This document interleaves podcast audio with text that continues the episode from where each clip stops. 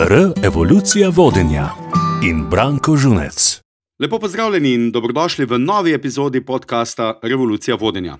Tokrat na eno izjemno zanimivo temo, za katero verjamem, da je aktualna tudi za vas, in to je ni ljudi. Saj veste, ni dovolj usposobljenih ljudi, ni dovolj izkušenih ljudi, ali enostavno ni ljudi, da bi jih lahko zaposlili in seveda s tem dosegli cilje, ki ste si jih zastavili za prihodnje. Še posebej, če vaše podjetje raste, je seveda potreba po ljudeh, verjamem, da vse večja. No, pa dajmo najprej razčistiti eno zadevo. Ali res potrebujete toliko ljudi, kot mislite, da jih potrebujete?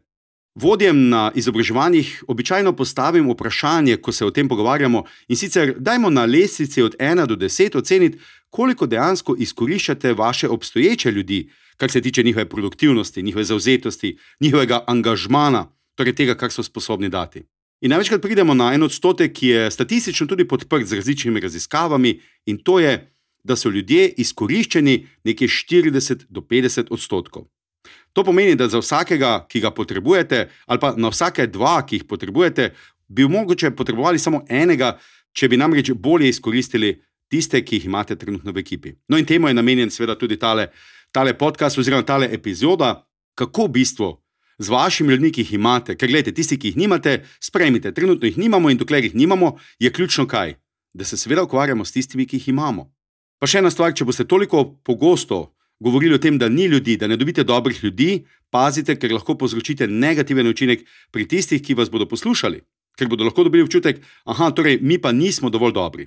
Skratka, previdno s tem, če že omenite, potem res povejte, da potrebujete ljudi, da bodo še lahko dodatno naredili vse tisto, kar seveda trenutno s to ekipo ne zmorete, ne glede na to, koliko se dejansko trudite. Ampak vemo, da je resnica drugačna, da se iztisniti z ljudi več. Pa tega ne imate kot slabo namerno. Jaz govorim seveda v tistem smislu, da ljudje želijo dati od sebe, da hočejo, da zmorejo in da se bodo za vas potrudili, dragi vodja. Bodimo iskreni, imate najboljše v ekipi. Koliko jih je? 10, 20, 30 procentov, mislim. Torej, tisti, na katere se vedno zanesete in veste, da bodo dosegli oziroma presegli vaša pričakovanja, oziroma bodo vedno dosegli tisto in naredili tisto, kar se boste dogovorili. No, torej, če jih imate, je to dokaz, da ste kot vodja prav gotovo sposobni narediti odlične stvari. Zakaj? Zato, ker imate takšne ljudi, ki odlično opravljajo svoje delo. Torej, kljukica, torej veste, da to zmorete. No, in v nadaljevanju te epizode sem za vas pripravil tri nasvete, take tri praktične stvari, da boste te ljudi, ki jih imate, dokler seveda tisti, ki jih potrebujete, ne boste dobili, bolje izkoristili, bolje angažirali in držali tisto raven na eni strani motivacije na drugi strani tudi njihove produktivnosti oziroma učinkovitosti, da boste seveda tudi v nadaljevanju oziroma v prihodnje dosegli vaše rezultate. Prvi takšen zelo praktičen nasvet je, bodite zelo jasni pri navodilih, ki jih posredujete. Še posebej pri bolj zahtevnih nalogah, kompleksnih nalogah, pri projektnih nalogah, ali ko delate na kakšnem posebnem projektu za uh, vaše ključne kupce. Skratka, tam, kjer je zahteva, zadeva bolj zahtevna, tam Seveda se potrudite, da ste pri navodilih čim bolj jasni in seveda dodajte še kaj. Kaj, če se zgodi to in to? Skratka, dajte preigrajte ne 3, 4, 5 možnih scenarijev, če recimo se pojavi kakšno odstopanje. To pomeni, da stvari ne gredo ravno po planu, kaj lahko naredijo. Zakaj to govorim? In zakaj je ta nasvet tako koristen? Zato, ker se pogosto dogaja, tisti, ki ste uh, že poslušali prejšnje epizode, se recimo spomnite vodstvene pasti številka 3. Kaj nas največkrat moti kot vodje? Da nas ljudje hodijo spraševati, ko se pojavijo težave, namesto da bi prišli z idejo ali predlogom. No, v tem primeru, če boste pravilno pri dajanju navodil preigrali še različne scenarije, če gre kaj narobe, se lahko že vnaprej izognete temu, da bi vas ljudje hodili spraševati. Še posebej, če vas ni, potem seveda delo stoji. Skratka, delujte preventivno in pripravite ljudi na možne scenarije za to, da bodo, gledajte, kot prvič, veliko bolj samozavestni, ker vedo, da tudi če se kaj zalomi, vedo, kako reagirati, drugič, veliko bolj so pripravljeni, če se res kaj takega zgodi, ne? in tretjič, vedo, da imajo pravega vodjo, ki jih je na to pripravil. Vaša vodstvena avtoriteta se na ta način tudi poveča. Skratka, še enkrat, poskrbite, da pri dajanju navodil, da ste dovolj jasni in da obenem še pregate nekaj možnih scenarijev, če se to in to zgodi, kako odreagirati. To je seveda za tiste bolj zahtevne, kompleksne naloge ali neke novosti, ko jih uvajate. Tam bodite še posebej previdni in dosledni, da se z vašimi sodelavci in ekipo res pripravite dobro na tekoči dan, teden oziroma mesec ali projekt. Gremo na drugi na svet, oziroma drugo takšno priporočilo.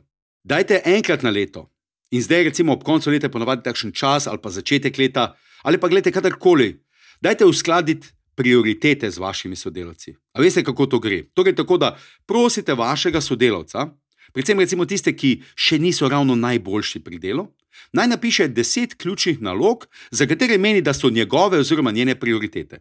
Isto naredite tudi vi, seveda ločeno, potem pa se usedite in samo primerjate se z nami.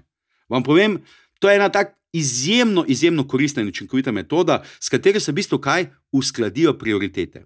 In to ne gre samo za nove sodelavce. Pri onboardingu, kot pravimo, ne, ali uvajanju novih sodelavcev, je to ključno, da ljudje spoznajo in osvojijo prioritete in se seveda kasneje tudi držijo.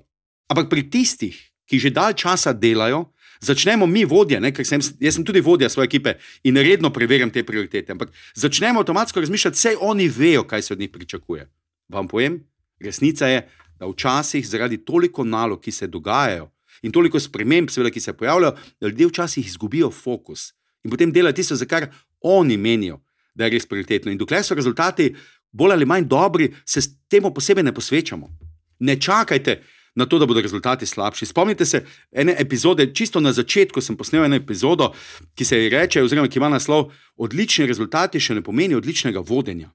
Res lahko da imate odličen, odličen situacijo na trgu, odličen produkt, odlično situacijo iz preteklosti, ampak to še ne pomeni, da imate res usklajene prioritete. Dajte se potruditi in uskladite prioritete z vašimi sodelavci, boste videli, kako je to super zadeva. In seveda z vsakim posebej, če se da, če imate pa ekipo zelo podobno delujočih sodelavcev, lahko tudi ekipno.